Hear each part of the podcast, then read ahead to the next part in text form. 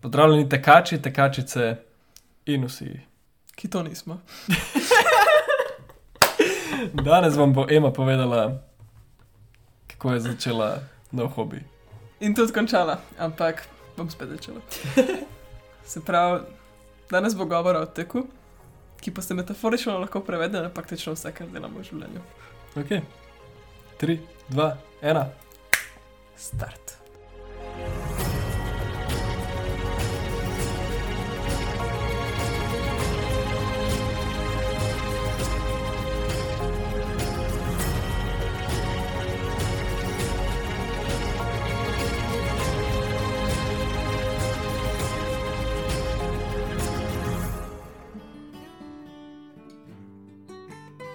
Dobro ima, štartna črta je pripravljena, kar počakaj na znak.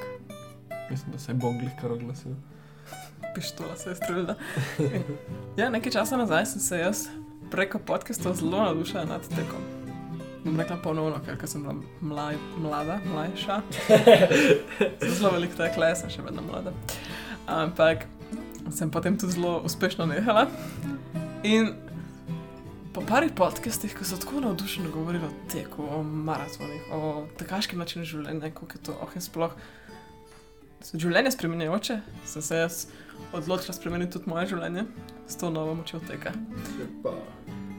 In super je bilo, ker na, tem, na tej stopni sem se že poznala zelo dobro in tudi se poznam še naprej in vem, da ne, ne, ne maram delati stvari sama.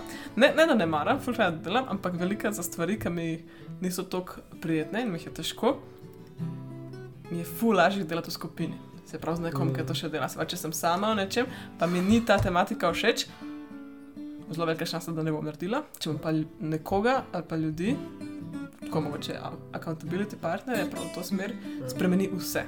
Vse. In hvala Bogu, vsaj to vem vsem, vsem do zdaj, tako da se nisem slepila takoj.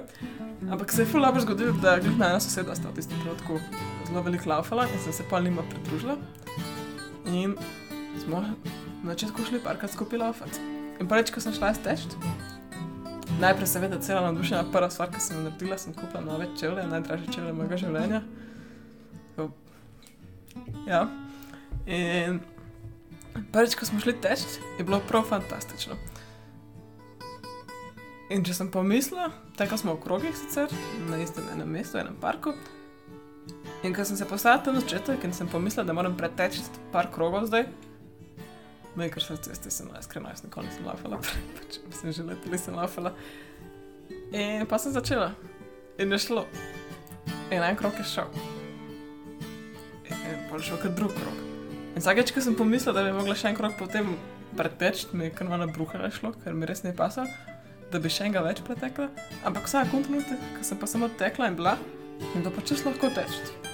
In sem na koncu programa krogov pretekla. In mi je prav padla pamet, kako je to smešno, ker zelo velikrat, če projiciram nekaj naprej, me res odbija in se hočem obupati takoj, hočem nehati, ali pa sploh ne začeti. Tudi meditacijo ali pa z jogo, meni to grozno, jaz tako rečem, o moj bog. Da bi jaz mogla zdaj še 20 minut meditirati, ne morem se vsesti na tla, ne morem. Ampak če pa samo pomislim, da mogoče samo eno minuto ni tako strašno in pa, ko začnem, sploh ni strašno. In če sam ne mislim, da moram še več, gre, a ne? No, in tako je šlo nekako s tem tekom. Nisem mislila. V bistvu sem ful dobro se naučila, da ne rabim razmišljati, koliko krogov rabim še prelafati, ampak sam lafam in dokler ne razmišljam, moje telo zna lafati.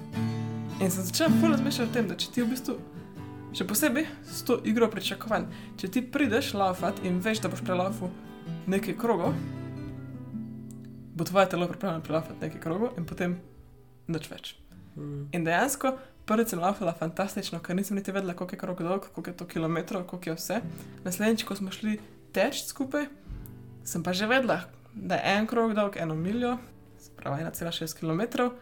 In sem potem lahko poračunala, okay, če hočem več, ne vem, 7 km preteči, moram toliko krogov narediti in sem s tem pričakovanjem šla teči. Ko sem tekla to krog, moje telo ni hotelo več teči. In je ful zanimiva misel, se mi je zelo zanimivo s tem igrati, da pomislim, da če jaz nekaj pričakujem, si v bistvu pokvarim možnosti zelo velikrat, da naredim boljše od tega. V bistvu sama se pokvarim tako izhodiščno črto na nek način. Vem, da je to nemogoče, praktično, mislim, ni nemogoče, zelo težko. Jaz zelo veliko pričakujem, še posebej, ker sebe poznam, pa poznam okoliščine, pa je neka aktivnost, ki jo večkrat počnemo. Zelo lahko imeti pričakovanja. Ampak če pa se znamo oddaljiti od tega, pa lahko tudi sami sebe velikokrat presenetimo. Pa ne sem to fulažje tudi začeti.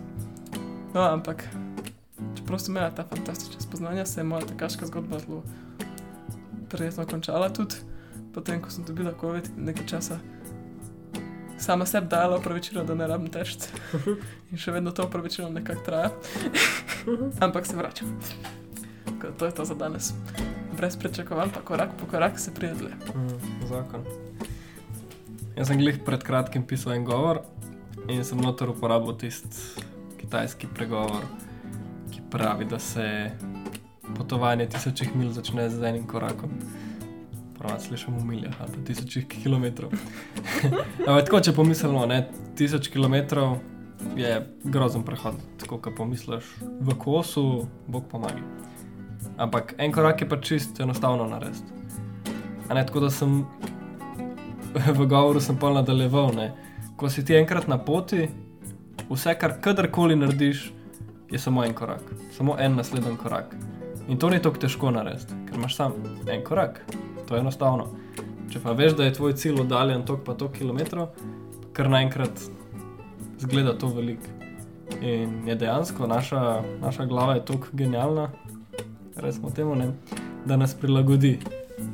Če mi, damo, če mi damo mi okvir, časovni ali pa energetski ali pa karkoli, bomo mi podzavestno začeli razporejati to energijo, pa taktizirati in tako naprej. To je ena od ful dobrih človeških lastnosti, zato smo tako uspešna vrsta. Tudi to, kar je meni prišlo na pamet, ko si govorila, je glih to, da se vrneš v ta moment in v tej mali okolici momenta, se pravi, naslednjih 10 sekund je dosta enostavno. Hmm. Vse, kar moraš narediti, je samo ena stvar, ki sama po sebi ni naštala. Pa pa se lahko na koncu ukvarjaš s tem, kaj si glih kar naredil. Ne? Ja. Ena fantastična pregleda, ki se zdaj spomnim iz knjige enega um, meniha v budističnem templu, ki je potem začel potovati po svetu in predavati, kako je dejansko bilo živeti v templu. On je se prav začel ko je imel 4 leta. Mm. Je rekel, da so mogli take težke, težke vreče riža nositi gor v tempel, ki je bil pač valjda nekje tam Mm. v hribih. Da je bilo ful težko, in si mogel zelo veliko vreč nositi, zelo veliko ne, več ur in tako naprej, gor dol, gor dol, gor dol. Je rekel, da prvič, ki jih je nosil, mu je nekdo rekel, da bo mogel jeti šestkrat dol, pa gor po hribu, pa po vreče. In na koncu je mogel jeti samo trikrat. In ker je pričakoval, da je mogel samo šestkrat, ker je šel trikrat, ni bil sploh utrujen še. Zato ker je njegovo telo vedelo, da še ne napomni, da mora dvakrat več. In pa naslednjič, ki je pa delal, je pa vedel, da ga je sam trikrat, in po tretjič že mrtvo utrujen. In je prav rekel, da, da je, je to ena stvar, ki sem jo vedno potem prakticiral z ostalimi menihi, da svoj um logično prepričaš, da bo več dela, kot ga dejansko je, Mm. ker ko um pričakuje, da je več dela, bo pripravljalo telo na več dela. In ko ti priješ do cilja, boš ko, oh, to pa sploh ni težko, Ja, ja. ker je v bistvu fulabla tehnika. To je dobro. Okay, s tem zaključujemo današnjo epizodo. Korak po korak se daleč pride. Ja. Upam, da vam je bilo to uporabno. Jaz mislim, da je to ena prekrasna filozofija za življenje, za projekte, za naše navade. Res um, je težko začeti, pa težko je delati, ampak ko pa delaš, pa gre. Tako da veliko grevanja vam želiva, da vam dober vse Tekne. Naj vam dobro tekne, ja. Pa, seveda, če vam je bilo to uporabno, podelite še s kom, za katerega bi mislili, da bi tudi to lahko uporabil.